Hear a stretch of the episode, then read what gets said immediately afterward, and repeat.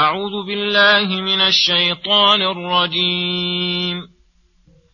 بسم الله الرحمن الرحيم. حميم. عين.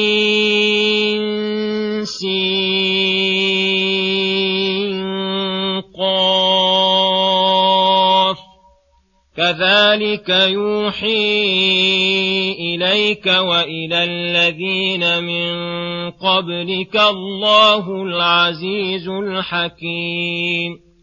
له ما في السماوات وما في الأرض وهو العلي العظيم. تكاد السماوات يتفطرن من فوقهن. والملائكة يسبحون بحمد ربهم ويستغفرون لمن في الأرض. ألا إن الله هو الغفور الرحيم. والذين اتخذوا من دونه أولياء الله حفيظ عليهم. الله حفيظ عليهم وما أنت عليهم بوكيل. وكذلك أوحينا إليك قرآنا عربيا لتنذر أم القرى ومن حولها وتنذر يوم الجمع لا ريب فيه فريق في الجنة وفريق في السعير ولو شاء الله لجعلهم أمة واحدة ولكن يدخل من يشاء في رحمته والظالمون ما لهم من ولي ولا نصير أم اتخذوا من دونه أولياء فالله هو الولي وهو يحيي الموتى وهو على كل شيء قدير وما اختلفتم فيه من شيء فحكمه إلى الله ذلكم الله ربي عليه توكلت واليه انيب فاطر السماوات والارض جعل لكم من انفسكم ازواجا ومن الانعام ازواجا يذرأكم فيه ليس كمثله شيء وهو السميع البصير. له مقاليد السماوات والأرض يبسط الرزق لمن يشاء ويقدر.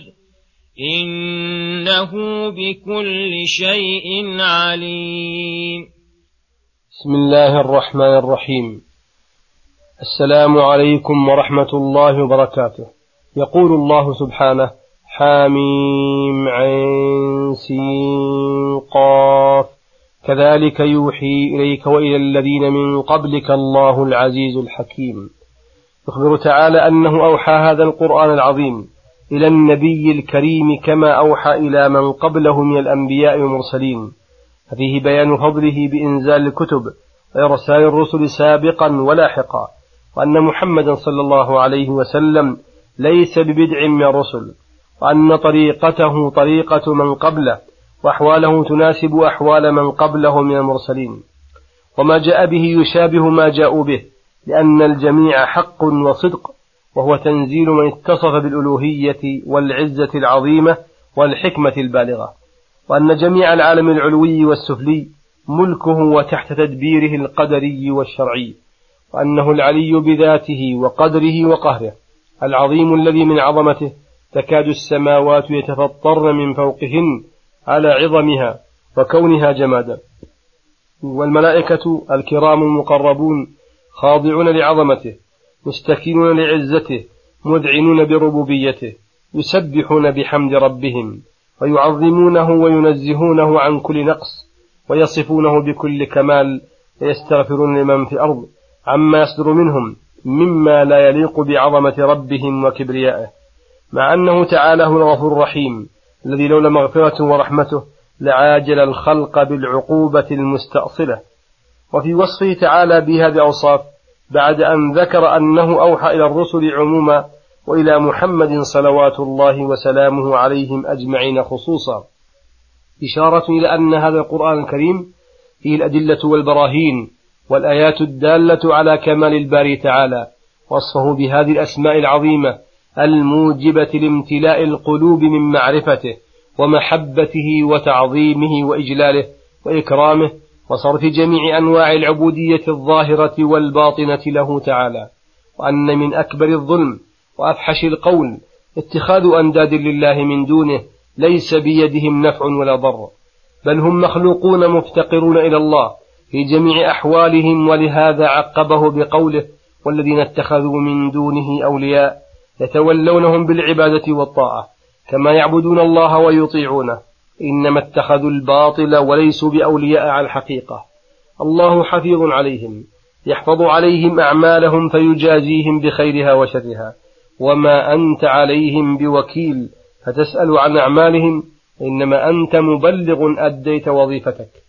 ثم ذكر منته على رسوله وعلى الناس حيث أنزل الله قرآنا عربيا بين الألفاظ والمعاني لتنذر أم القرى وهي مكة المكرمة ومن حولها من قرى العرب ثم يسري هذا الإنذار إلى سائر الخلق وتنذر الناس يوم الجمع الذي يجمع الله به الأولين والآخرين وتخبرهم أنه لا ريب تخبرهم بأن أنه لا ريب فيه وأن الخلق ينقسمون فيه فريقين فريق في الجنة وهم الذين آمنوا بالله وصدقوا المرسلين وفريق في السعير هم أصناف الكفرة المكذبين.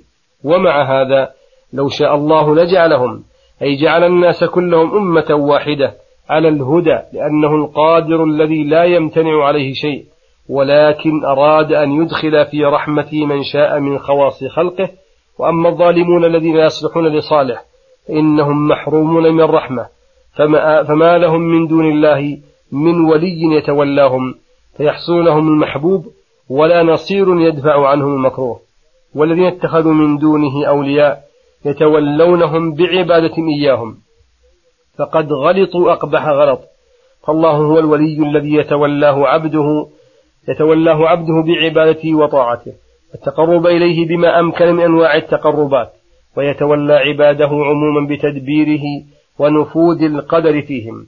ويتولى عباده المؤمنين خصوصا بإخراجهم من الظلمات إلى النور وتربيتهم بلطفه وإعانتهم في جميع أمورهم. وهو يحيي الموتى وهو على كل شيء قدير أي هو المتصرف بالإحياء والإماتة ونفوذ المشيئة والقدرة فهو الذي يستحق أن يعبد وحده لا شريك له.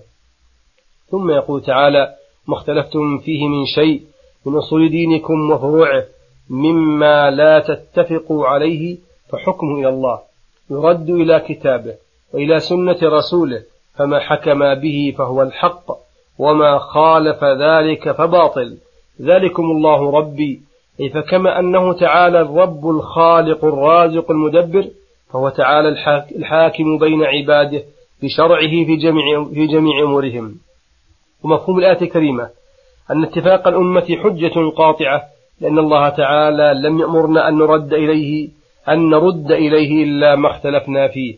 فما اتفقنا عليه يكفي اتفاق الأمة عليه لأنها معصومة عن خطأ ولا بد أن يكون اتفاقها موافقا لما في كتاب الله وسنة رسوله.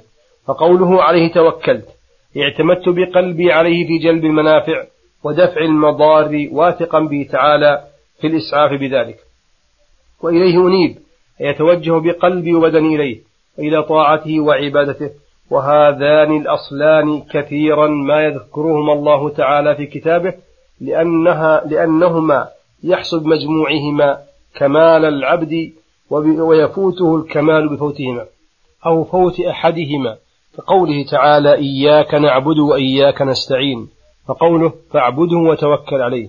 فاطر السماوات والأرض أي خالقهما بقدرته ومشيئته وحكمته جعل لكم من أنفسكم أزواجا لتسكنوا إليها وتنتشر منكم الذرية ويحصل لكم من النفع ما يحصل ومن الأنعام أزواجا أي ومن جميع أصنافها نوعين ذكر وأنثى لتبقى وتنمو لمنافعكم الكثيرة. ولهذا عداها باللام الدالة على التعليم أي جعل لكم من أنفسكم وجعل لكم من الأنعام أزواجا ليس كمثله شيء. أي ليس يشبه تعالى ولا يماثله شيء من مخلوقاته لا في ذاته ولا في أسمائه ولا في صفاته ولا في أفعاله. لأن أسماءه كلها حسنى. لأن أسماءه كلها حسنى. وصفاته صفات كمال وعظمة. وأفعاله تعالى أوجد بها المخلوقات العظيمة من غير مشارك. فليس كمثله شيء لانفراده وتوحده بالكمال من كل وجه وهو السميع لجميع أصوات باختلاف اللغات على تفنن الحاجات. البصير يرى دبيب النملة السوداء في الليلة الظلماء على الصخرة الصماء ويرى, سيران ويرى سريان القوت في أعضاء الحيوانات الصغيرة جدا وسريان الماء في أغصان الدقيقة وهذه الآية ونحوها دليل لمذاهب أهل السنة والجماعة من إثبات الصفات ونفي مماثاة المخلوقات. وفيها رد على المشبهة في قوله ليس كمثله شيء وعلى المعطلة في قوله وهو السميع البصير. فقوله له مقاليد السماوات والأرض أي له ملك السماوات والأرض وبيده مفاتيح الرحمة والأرزاق والنعم الظاهرة والباطنة. فكل الخلق مفتقر إلى الله. في جلب مصالحهم ودفع المضار عنهم. في كل الأحوال ليس بيد أحد من أمر شيء. والله تعالى هو المعطي المانع الضار النافع الذي ما بالعباد من نعمة إلا منه ولا يدفع الشر إلا هو. ما يفتح الله للناس من رحمة فلا ممسك لها وما يمسك فلا مرسل له من بعده. ولهذا قال هنا يبسط الرزق لمن يشاء أن يوسعه ويعطيه من أصناف الرزق ما شاء. ويقدر أن يضيق على من يشاء حتى يكون بقدر حاجته لا يزيد عنها. وكل هذا تابع لعلمه وحكمته.